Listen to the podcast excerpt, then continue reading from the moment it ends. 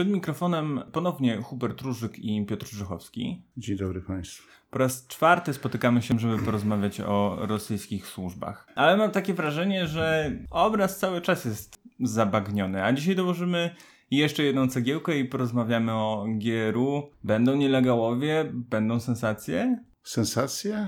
Może jednak na spokojnie będziemy próbować okiełznać ten temat. To jest podcast Ośrodka Studiów Wschodnich.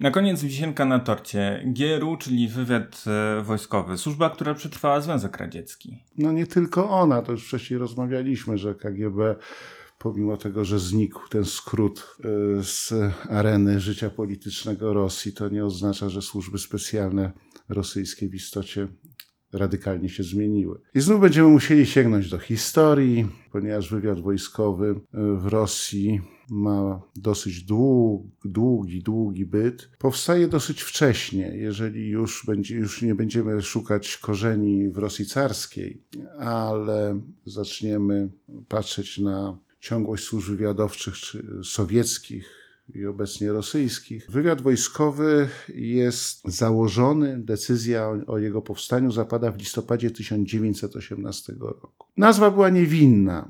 Registr UPR, zarząd re rejestracyjny. Typowa maskirowka, mówiąc po rosyjsku, ale co jest najważniejsze, od początku swojej historii wywiad wojskowy był podległy siłom zbrojnym. To, jak będziemy dalej o tym mówić, zmieniało się mhm. w siłach zbrojnych, czy to było do, naczelne dowództwo, czy sztab generalny. To miało różne, różne y, przybierało różne kombinacje, ale istotnie zmieniało sposobu podporządkowania. Czyli siły zbrojne, wywiad wojskowy. W kwietniu 1921 roku zarząd rejestracyjny otrzymuje bardziej już twarzową nazwę, czyli Razwietr UPR.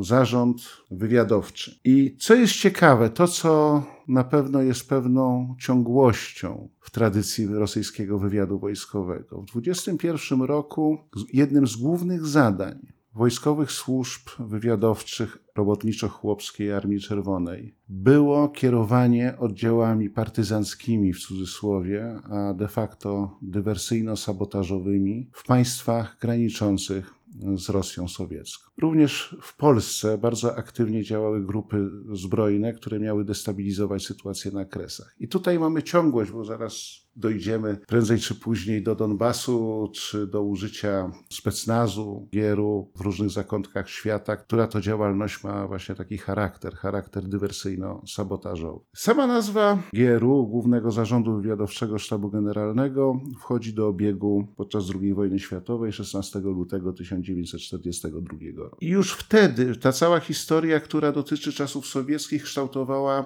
mm, trwale zadania tej służby. Wspomniałem już o, o tym, że przede wszystkim miałyby to, to być działania sabotażowo-dywersyjne. Drugim elementem, który doszedł w miarę rozwoju stosunków międzynarodowych czy kontaktów międzynarodowych Rosji Sowieckiej, to była klasyczna działalność wywiadowcza, która była związana e, z wzmocnieniem potencjału obronnego Związku Sowieckiego, ale nie tylko. Problem rozgraniczenia działalności służb wywiadowczych sowieckich e, jest bardzo duży do dzisiaj, dlatego że w okresie przedwojennym, przed II wojną światową, trudno mi czasami rozróżnić działalność międzynarodowego ruchu komunistycznego kierowanego przez Komintern od działalności wywiadowczo-dywersyjnej. To się nakładało. Ruch komunistyczny też był zakonspirowany, a również zadania, które wykonał, no, miały charakter na przykład sabotażowy, czy charakter, jak to współcześnie mówimy, wojny informacyjnej, czyli przekonywania społeczeństw do pewnej idei. Także to spięcie pomiędzy działalnością niby polityczną wielkiego ruchu społecznego, jak to chcieli przedstawić Sowieci, a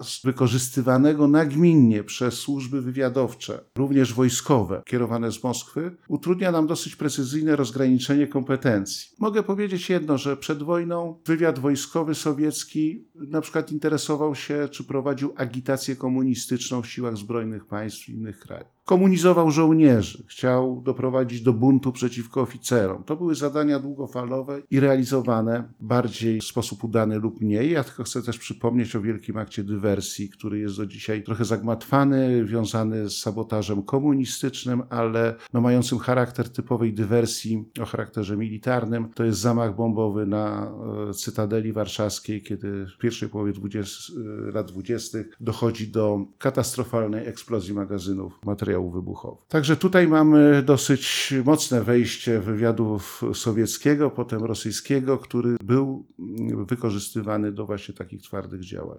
Do działań de facto kinetycznych, a nie wywiadowczych. A jak sytuacja wygląda w 2019?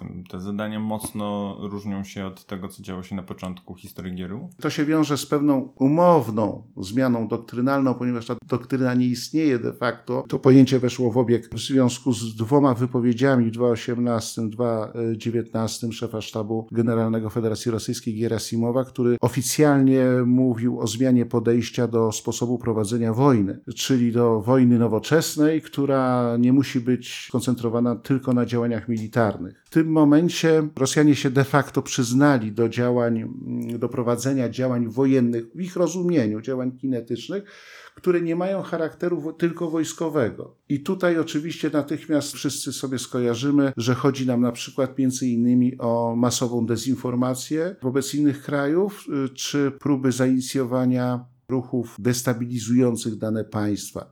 Nawet, no wiadomo, ingerencja w wybory, zaraz nam się też przypomni, czy próby działania w świecie, bo mówimy już o działaniach w świecie cyfrowym, mhm. czyli właściwie nie używamy armat, używamy komputerów, Stało się to wielką bolączką już w skali globalnej i jak dobrze wiemy, państwa zaczęły coraz bardziej ostrzej reagować na ingerencje rosyjskie. W tym oczywiście uczestniczy wywiad wojskowy, również wywiad cywilny, również FSB. Tylko co się zmieniło w samym Gieru? I tu jest pewien wątek niepokojący, dlatego że potwierdzający moim zdaniem to, że kierownictwo sił zbrojnych Federacji Rosyjskiej, a co za tym idzie władze Rosji, realizując szeroko zakrojone zakrojony i długotrwały program modernizacji sił zbrojnych również dokonały zmian strukturalnych dotyczących Głównego Zarządu Wywiadowczego Sztabu Generalnego FR. A o jakich zmianach mówimy? W 2008 roku dochodzi do bardzo zagadkowej i e, interpretowanej w różny sposób decyzji, że brygady specnazu GRU wychodzą spod kierownictwa bezpośredniego szefa zarządu wywiadowczego i są przekazane do dyspozycji dowódcy, dowódców poszczególnych okręgów wojskowych, czyli przechodzą na szczebel operacyjnego wykorzystania na linii frontu. Media rosyjskie zastosowały zasłonę dymną, mówiąc, że jest kryzys w Gieru, Gieru jest osłabiane decyzją polityczną, właśnie zabierają im brygady. Likwidują wręcz im brygady specnazu. To nie była prawda. Właśnie całą istotą tego takiego przekazu było ukrycie moim zdaniem tego, że w, już w 2008-2010 roku armia rosyjska zaczęła przechodzić w stan gotowości bojowej. Świadkiem tej gotowości bojowej jesteśmy już codziennie teraz. I co się dzieje samym wywiadem y, rosyjskim? Wywiad rosyjski wojskowy nadal działa. Działa w, ten, ten, w sensie wywiadu strategicznego, wywiadu naukowo-technicznego, ale z drugiej strony siły specjalne, bo jeszcze musimy jedno podkreślić, wyprowadzenie, przekazanie do dyspozycji okręgów wojskowych brygad specnazu, czyli jednostek, które mają służyć w chwili rozpoczęcia działań militarnych, a to widzieliśmy na Ukrainie, mają się zająć płytkim wywiadem czy rozpoznaniem bojowym, dywersją za liniami obrony atakowanych sił przez siły rosyjskie. To nie było ostatnie słowo, które powiedzieli Rosjanie. Bardzo szybko, bo już w 2009 roku rozpoczynają proces tworzenia sił operacji specjalnych, skrót po rosyjsku brzmi mhm. SSO. To już jest rodzaj wojsk, który na bazie wydzielonych brygad specnazu stworzył nowy rodzaj wojsk do wykonywania operacji specjalnych, przede wszystkim poza granicami kraju, ale bardzo precyzyjnych, kinetycznych, w których są angażowani no, użyję takiego może porównania nieuprawnionego, ale to są już dobrze wyszkoleni komandosi do realizacji punktowych działań dywersyjnych, sabotażowych, również bojowych, bo w Syrii siły operacji specjalnych, specjalnych jednostki brały udział w działaniach bojowych również. I teraz ja też miałem kłopot ze zrozumieniem, co się stało w samym GRU, ponieważ GRU, które zmitologizował Suworow w akwarium, e, jawiło się nam potężną strukturą, jakby samodzielnie e, zarządzającą nie tyle wywiadem, działaniami rozpoznawczymi, wywiadowczymi, ale również posiadającymi potencjał wojskowy, jakby wydzielone od sił zbrojnych. To od początku nie była prawda. Brygady specnazu zawsze były przygotowywane do działania na linii frontu czyli na rzecz danych dużych zgrupowań e, sił zbrojnych Federacji Rosyjskiej. Za to odpowiedzialność za szkolenie tych jednostek nadal spoczywa na szefie zarządu wywiadowczego. Rozmawiamy jeszcze chwilę o specnazie i o GRU, bo wydaje mi się, że mm, w głowach wielu słuchaczy może powstać pewien mętlik. Ile jest tak właściwie specnazów? Każdy resort siłowy posiada jednostki specjalne w Rosji, tak? Tylko, że tutaj mówimy o strukturze wojskowej, o jednostkach rozpoznania bojem, jednostkach, które są wyspecjalizowane w przekraczaniu linii frontu i na przykład e, zdobywania jeńców w celu wydobycia informacji o y, stanie sił przeciwnika. Więc ich rola jest, podkreślam, bardziej militarna i oczywiście to, co jest bardzo niepokojące, te siły, czyli ludzie oddelegowani z jednostek specnazu podlegającego sztabowi generalnemu specnazu Gieru, są wykorzystywani do punktowych działań sabotażowych poza granicami kraju lub dywersyjnych. Więc tutaj mamy cały czas y, ten prymat jednak roli kinetycznej specnazu wojskowego i w momencie zaostrzenia sytuacji międzynarodowej trzeba się liczyć z tym, że Rosjanie, y, co też pokazuje nam pewien wachlarz już zauważalny i skłonność do działań siłowych na całym świecie, również pod pewną przykrywką legendą nielegalnych formacji, jakichś prywatnych kompanii wojskowych. I o tych nielegalnych formacjach chciałem chwilę porozmawiać. Czy to jest tak, że jest się żołnierzem specnazu i zostaje się delegowanym, Nie. czy po zakończeniu służby można trafić znaczy, do I tutaj mamy kolejny problem, który jest oczywiście szerszy niż samo Gieru, dlatego że jednostki, powiedzmy otwarcie, najemników, którzy działają formalnie nielegalnie w Rosji. Państwo udaje, że, aparat państwa udaje, że nic nie wie, choć jest to oczywiście wręcz kpina. Przywódcy spotykają się z prezydentem Rosji. Dokładnie. To nie są tylko ludzie ze specnazów. Mhm. Na pewno struktury wywiadu wojskowego są odpowiedzialne za ich szkolenie, właśnie, ale również siły operacji specjalnych mogą być, bo nie ma na to dowodów, ale z dużą dozą prawdopodobieństwa mogę powiedzieć, że są również odpowiedzialne siły operacji specjalnych za szkolenie takich oddziałów. Do, w przestrzeni medialnej chodzą informacje, że wszystko się dzieje w obwodzie moskiewskim na bazie centrów szkoleniowych Gieru, na poligonie Kubinka 2 na przykład, czy w miejscowości Śnieżne, ale werbowani, bo w sumie to jest kontrakt, y, pochodzą nie tylko właśnie z tych kręgów specnazowskich, ale również to są ludzie, którzy są wyszkolonymi żołnierzami, specjalistami wojskowymi, którzy są w rezerwie, a chcą zarobić. Mhm. A kto decyduje o operacyjnym wykorzystaniu tych jednostek? Jeżeli będziemy mówić w kategoriach operacji wojskowej, to dowódca tej operacji. Kropka. Kropka. Za to mamy duży wachlarz działań, które trochę się nam wymykają z kategorii operacji wojskowych. Jeśli weźmiemy Afrykę i nadchodzące stamtąd informacje o obecności najemników rosyjskich,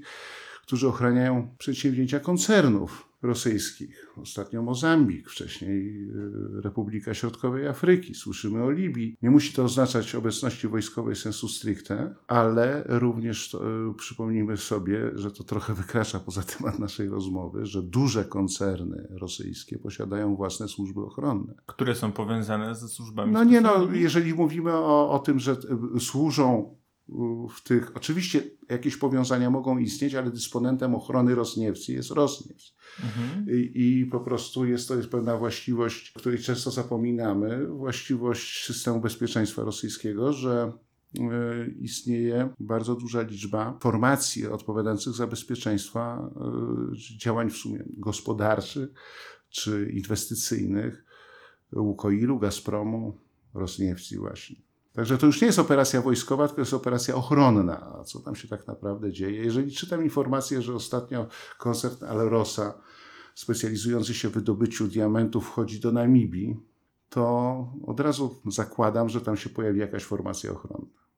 I w tej nowej doktrynie użycia służb specjalnych ciężko jest chyba, wracając trochę do tematu gieru i stricte do wojska, odróżnić operacje specjalne od e, wywiadowczych. Znaczy jeszcze raz podkreślę, nie ma takiej nowej doktryny Umownej nowej doktryny, Umownej, jasne. Bo takiej nie ma, to są pewne uproszczenia, które Trochę też i nam narzucił e, w sumie szef sztabu generalnego Federacji Rosyjskiej, który nic nowego nie powiedział, dlatego że te działania Rosjanie już prowadzili, tylko on chciał podkreślić, że oni przechodzą w inną fazę aktywności i nie jest to tylko aktywność e, stricte militarna, jak wspominałem. Nie tylko militarna, ale też zahaczająca dyplomatyczną. Jak patrzymy na podróże szefów służb e, i wspomnianego w poprzednim odcinku podcastu pana Patruszewa. Trochę odbiegamy znowu od zagadnienia służb wojskowych, bo akurat szef zarządu wywiadowczego Sztabu Generalnego jest osobą niepubliczną. To trzeba podkreślić, mhm. że jego aktywności dowiadujemy się bardzo rzadko, a tak się ostatnio składało, że głównie na przykład o śmierci szefa Gieru gdzieś w świecie, który się utopił podobno na plaży, dowiadujemy się, że tam w ogóle był po raz pierwszy. Także tutaj, jeżeli chodzi o, o, o pozycję szefa służby wywiadowczej wojskowej rosyjskiej, ona jest, powiem to kategorycznie niepubliczna. Oni mhm. nie wypełniają roli politycznej, nie są dyplomatami. Y, szef, w przeciwieństwie do szefa FSB. Szef wywiadu wojskowego i sama służba y, jest szczególnie utajniona. I dlatego y, śmierć Za to, kolejnych szefów budzi takie emocje? Tak, dlatego że to świadczyć może o jakimś zamachu na tą osobę, nieszczęśliwym oczywiście wypadku, ale zawsze jest to owiane tajemnicą i w naturalny sposób pewną legendą bo fakty są właściwie nieweryfikowalne. Jeżeli umarł ostatnio szef, to było po wpadkach, było to po sprawie Skripali i kampanii ośmieszającej w sumie Gieru. Szef Gieru dostał zawału i umarł kilka miesięcy później, no to również to była pewna sensacja, ale tak naprawdę nie wiemy, co się z nim stało. Mógł rzeczywiście chorować i, i umarł ale może popełnił samobójstwo. Otwiera Tego nie można wykluczyć, ale to jest, to, to, co przed chwilą powiedziałem, pokazuje, jak dużym problemem jest rzetelnie mówić o rosyjskich służbach. Naprawdę to, y, powiem może niezbyt zręczne porównanie, ale czasami mam wrażenie, że podobnie się opisuje historię wczesnego średniowiecza jak rosyjskie służby, czyli mamy jedną jakąś kronikę Dietmara, na podstawie której trzeba pisać o chrobrym. Na przykład, czy wysnuwać z jednozdaniowych zapisów w latopisach jakieś szeroko dale, daleko idące wnioski polityczne. I tutaj mam czasami, biorąc pod uwagę, że, że informacja o służbach jest szczególnie skażona, czyli zazwyczaj trzeba zastanawiać się, na ile ona może być wiarygodna, y, no to przy, przy Gieru y, to naprawdę jest to bardzo ciężkie, często nawet ustalenie faktografii. Wszelkie informacje dostarcza nam strona przeciwna, która decyduje się na opublikowanie swojej wiedzy, podzielenie się swoją wiedzą o aktywności obcej służby, w tym kontekście rosyjskiej. Wspomniał Pan o aktywności dyplomatycznej. To nie tylko szef FSB, bo akurat nie szef FSB Bortnikow nie jest osobą też zaangażowaną w kreowanie wydarzeń międzynarodowych, ale chciałbym zwrócić uwagę na dwie osoby i to też już odbiegamy od spraw wojskowych. Taką funkcję wypełnia szef wywiadu zagranicznego, służby wywiadu zagranicznego Naryszkin i szef Rady Bezpieczeństwa Federacji Rosyjskiej Nikołaj Patruszew, były szef FSB, którzy y, rzeczywiście krążą po świecie i rozmawiają o sprawach bezpieczeństwa szeregu kolejnych państw. Przed y, nagraniem zajrzałem do bazy danych, no i tak sprawdziłem, co tam, y, co ostatnio Patruszew robił na arenie międzynarodowej. No, 17 spotyka się z przedstawicielem Japonii. W tym roku bywał i w Angolii, i w południowej Afryce, i w Malezji, i w Mongolii, i na Białorusi. Wszędzie to były spotkania, które były kwitowane zdawkowymi komunikatami, ale w istocie, kiedy się analizuje aktywność Rosji na danym obszarze, często się ustala tam już wstępnie umowy o współpracy wojskowej, o współpracy resortu bezpieczeństwa, o tym, jaką politykę dane państwo prowadzi w regionie, czy to państwo będzie prowadziło politykę korzystną dla Rosji również dla interesów gospodarczych. Także tutaj ta duża rola, to nie robi tego MSZ, chcę podkreślić. O to właśnie chodzi, że jedzie szef wywiadu czy szef Rady Bezpieczeństwa i rozmawia o najbardziej wrażliwych sprawach. Mhm. A ich pozycja systemowa jest dos dosyć silna, także na pewno jest to, nie jest to ich inicjatywa, tylko jest to przemyślany element polityki zagranicznej Federacji Rosyjskiej. Jak w przypadku wszystkich naszych rozmów, główny temat po pewnym czasie odpływa. Ja chciałbym znowu ustawić reflektory na Gieru i tym razem zapytać się y, o relacje z wywiadem cywilnym.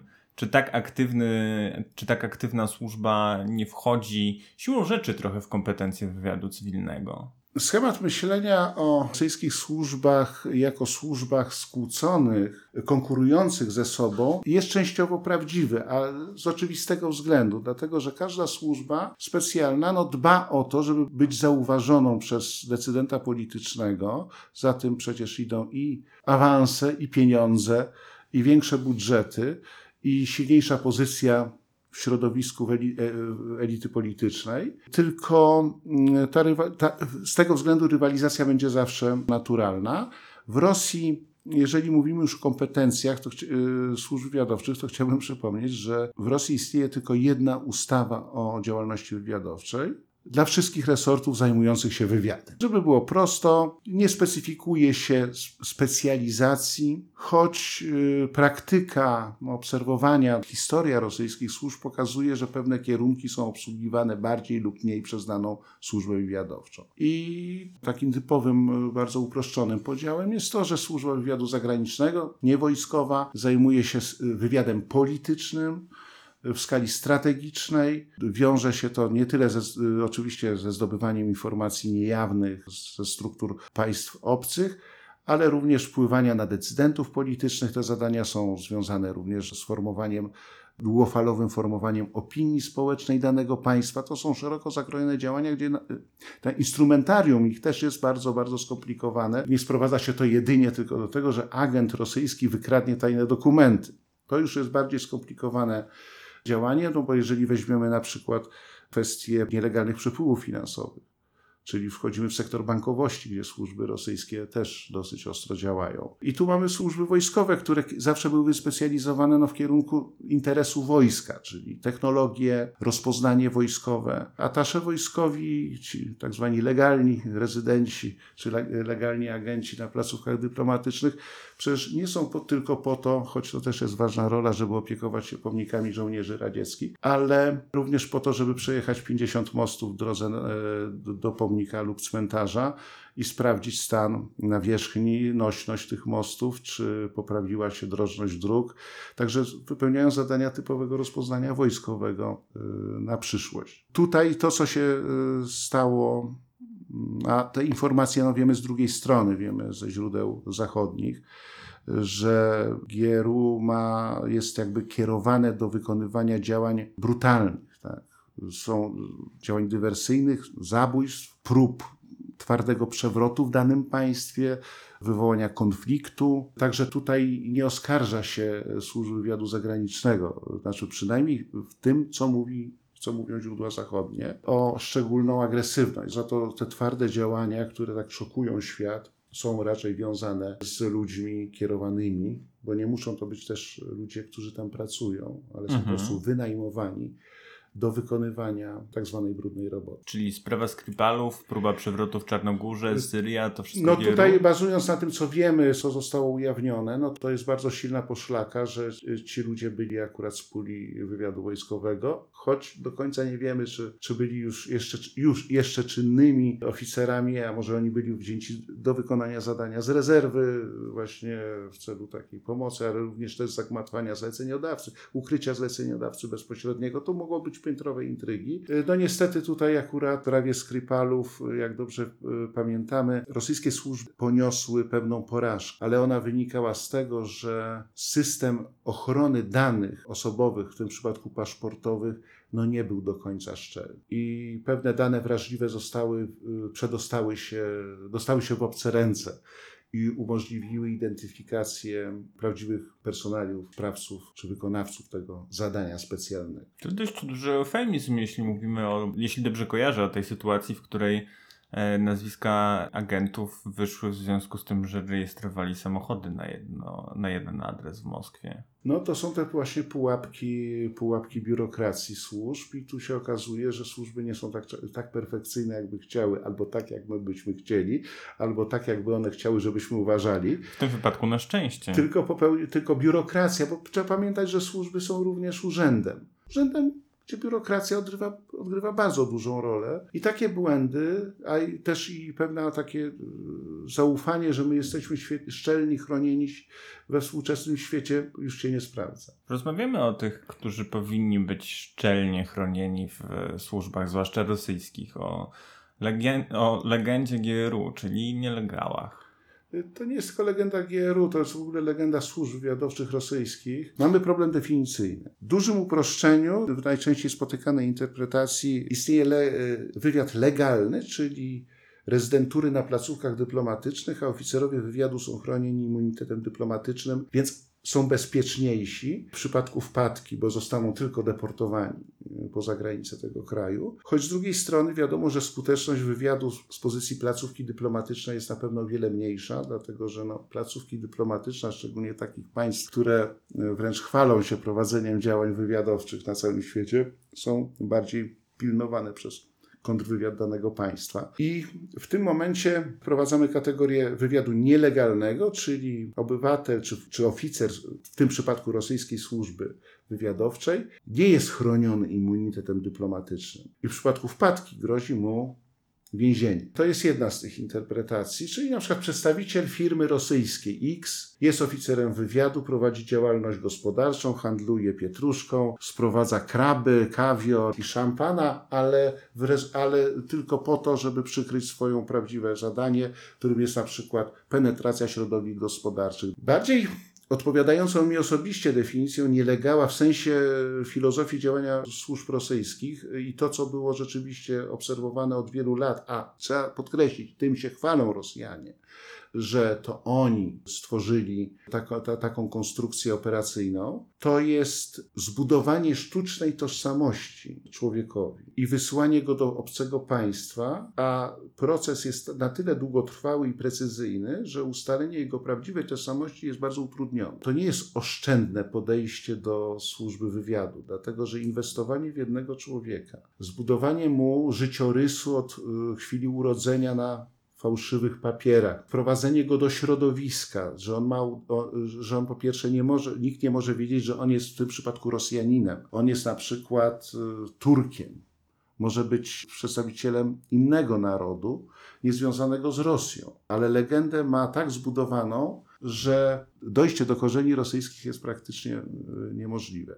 I teraz, tak na zdrowy rozsądek, y, myśląc o takiej operacji, no to ile trzeba wykonać przedsięwzięć legalizacyjnych danej, legalizujących daną osobę. Chodzi o dokumenty, metryki, urodzenia, budowanie legendy, skąd on przybył, żeby to było też trudne do sprawdzenia. To jest coraz trudniejsze we współczesnym świecie ukrycie tożsamości, więc e, przyjęto mówienie o tym, że agentem nielegalnym, tak jak wspomniałem, jest po prostu na przykład wysłany oficer, tylko bez przykrywki dyplomatycznej, ale również Wspomnimy 2010 rok i aresztowanie Anny Chapman w Stanach Zjednoczonych. Również określano ją jako nielegała, no bo prowadziła działalność wywiadowczą nielegalną, niechroniona immunitetem dyplomatycznym, choć z drugiej strony w jej przypadku korzenie rosyjskie były do ustalenia. Już w nazwisku ona, jest pewien ona, ona, ona, nie, ona po prostu, jej historia życia była na tyle jawna, że cała operacja polegała raczej na tym, że ona emigruje z Rosji, wchodzi w związek mhm. małżeński, który legalizuje jej pobyt na Zachodzie, wtapia się to w społeczeństwo.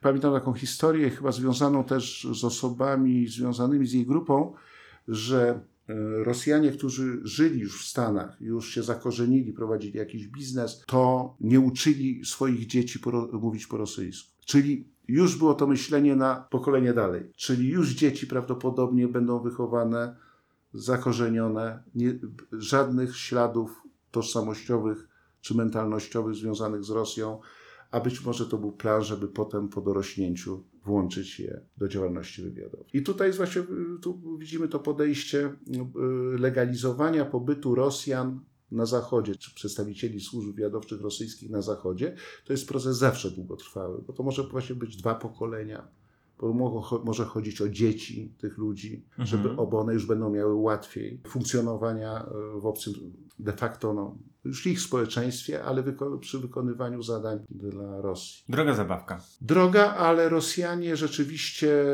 to nagłaśniają, szczególnie z okazji świąt służb wywiadowczych, przypominają o tym wielkim dorobku wywiadu nielegalnego, kiedy ludzie posługujących się obcą tożsamością yy, wykonywali przez wiele, wiele lat przez dekady zadania dla, dla Rosji. I tutaj też jest, y, musimy wrócić trochę do historii, bo mi się natychmiast przypomina, że wywiad nielegalny, tak jak wspominałem już o ruchu komunistycznym, przecież piątka z Cambridge, Philby, to było połączenie pewnych skłonności ideologicznych, to były osoby lewicujące, mhm. a z drugiej strony wierzące w jakąś ideę, i w tym momencie w sposób umiejętny służby wywiadowcze e, Rosji Sowieckiej tych ludzi zaczęły wykorzystywać. I oni to zaakceptowali, oni wiedzieli, byli świadomi tego, choć była duża pobudka ideologiczna, ale w rezultacie to też byli agenci nielegalni, z idealną tożsamością. No już kariera Filibego zresztą pokazuje, że może to nie jest powszechne, że to nie był nagminny przypadek, ale taki przypadek się, może się zawsze zdarzyć. I to pokazuje pewną szczególną cechę rosyjskich służb, bo jak myślę o nielegalach, to może tylko Izrael ma podobną siłę oddziaływania. Tak, tylko że chodzi o to, że historycznie to jest tak ustawione, że spojrzymy, że to jednak Rosjanie że zaczęli Rosjanie już właściwie w latach dwudziestych wykorzystywać taką metodę pracy. A rzeczywiście tutaj tak, Izrael to wykorzystuje.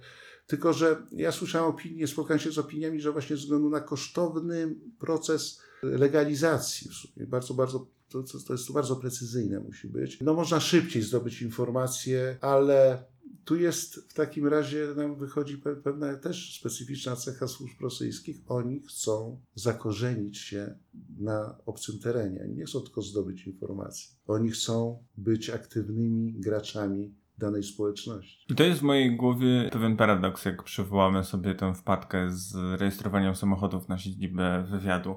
Chciałbym jeszcze wrócić do tematu rezerwy, bo to całkiem interesujący wątek. Można mówić o tym, że jest się emerytem w GRU i nigdy się do wywiadu nie wróci, czy jest tak, że rezerwa jest tylko umowna i za rok, dwa, może pięć lat przychodzi rozkaz? To zależy jak rozumiemy aktywność tych ludzi, dlatego że ci, którzy odeszli ze służby, no i tak po prostu mają, są już na emeryturze, czy są w rezerwie, odchodzą z czynnej służby wojskowej, to zazwyczaj nie mają kłopotów ze znalezieniem pracy. Ale to dotyczy w ogóle całego systemu instytucji bezpieczeństwa w Rosji. Emerytowani oficerowie FSB, wywiadu zagranicznego, wywiadu wojskowego, spotykamy ich.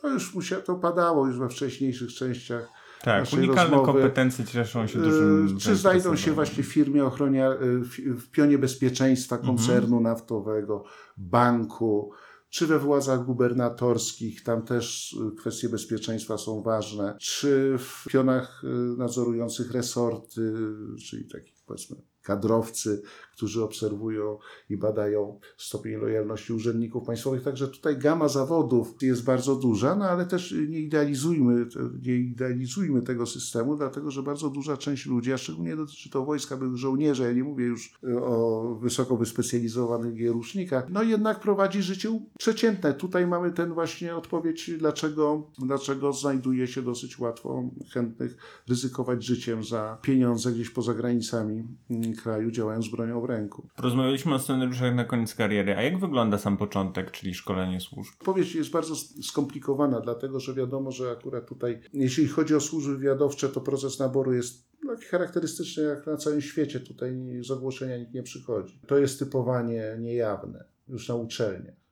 Ale teraz powiem anegdotę. Wczoraj znalazłem, znaczy anegdotę, to jest niestety rosyjska rzeczywistość. Wczoraj przeglądając rosyjską prasę znalazłem informację o szkołach kadeckich w Moskwie. Rozpoczyna się rok szkolny, no, trzeba wypromować klasy kadeckie. To jest przedział 7 do 11 klasy. To są klasy wojskowe, ale nie tylko. Młodzieniec, czy dziewczyna, czy chłopak w siódmej klasie decyduje się, w siódmej klasie podkreślam, decyduje się na wybranie kierunku profilowego. I to są kierunki głównie wojskowe, ale również kierun kierunek FSB, kierunek MSW, Federalna Służba Ochrony. Ta informacja była uzupełniona, że w tym roku szkolnym w, w Moskwie w, w klasach kadeckich będzie kładziony nacisk na języki obce.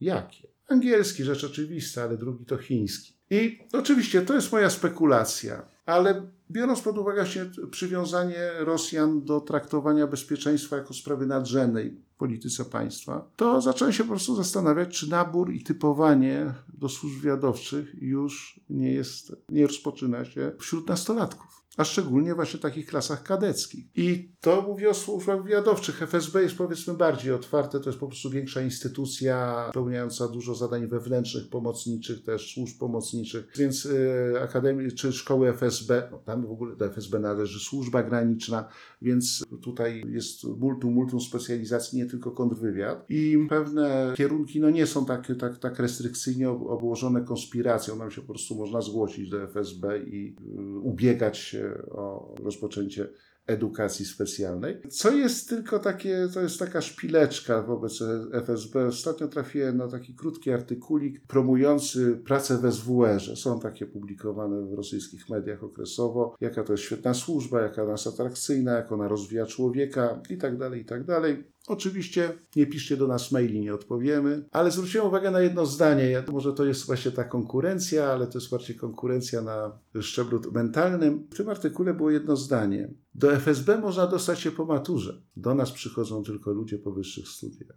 Więc już budowanie elitarności służby to jest, to jest tekst bardzo taki typowo werbunkowy, jak go nazywam, ale zachęcający y, może o myślenie, o myśleniu o tym, że warto rozwijać się, a oni nie znajdą.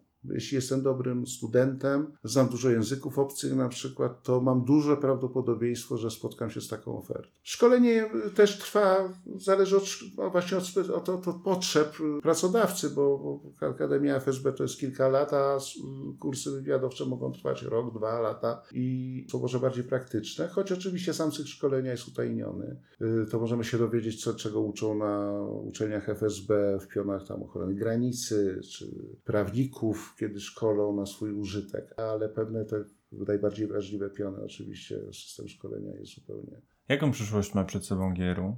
Taką samą jak armia rosyjska. Tutaj nie ma niuansu, po prostu jest to część wojska. Wojsko bez wywiadu wojskowego, bez rozpoznania wojskowego. Jeszcze pamiętajmy no, o tym, że GRU to również jest wywiad satelitarny. No to raczej jest to tak spięta struktura z interesami armii, że no musimy, musimy patrzeć raczej na armię, a nie na samo GRU.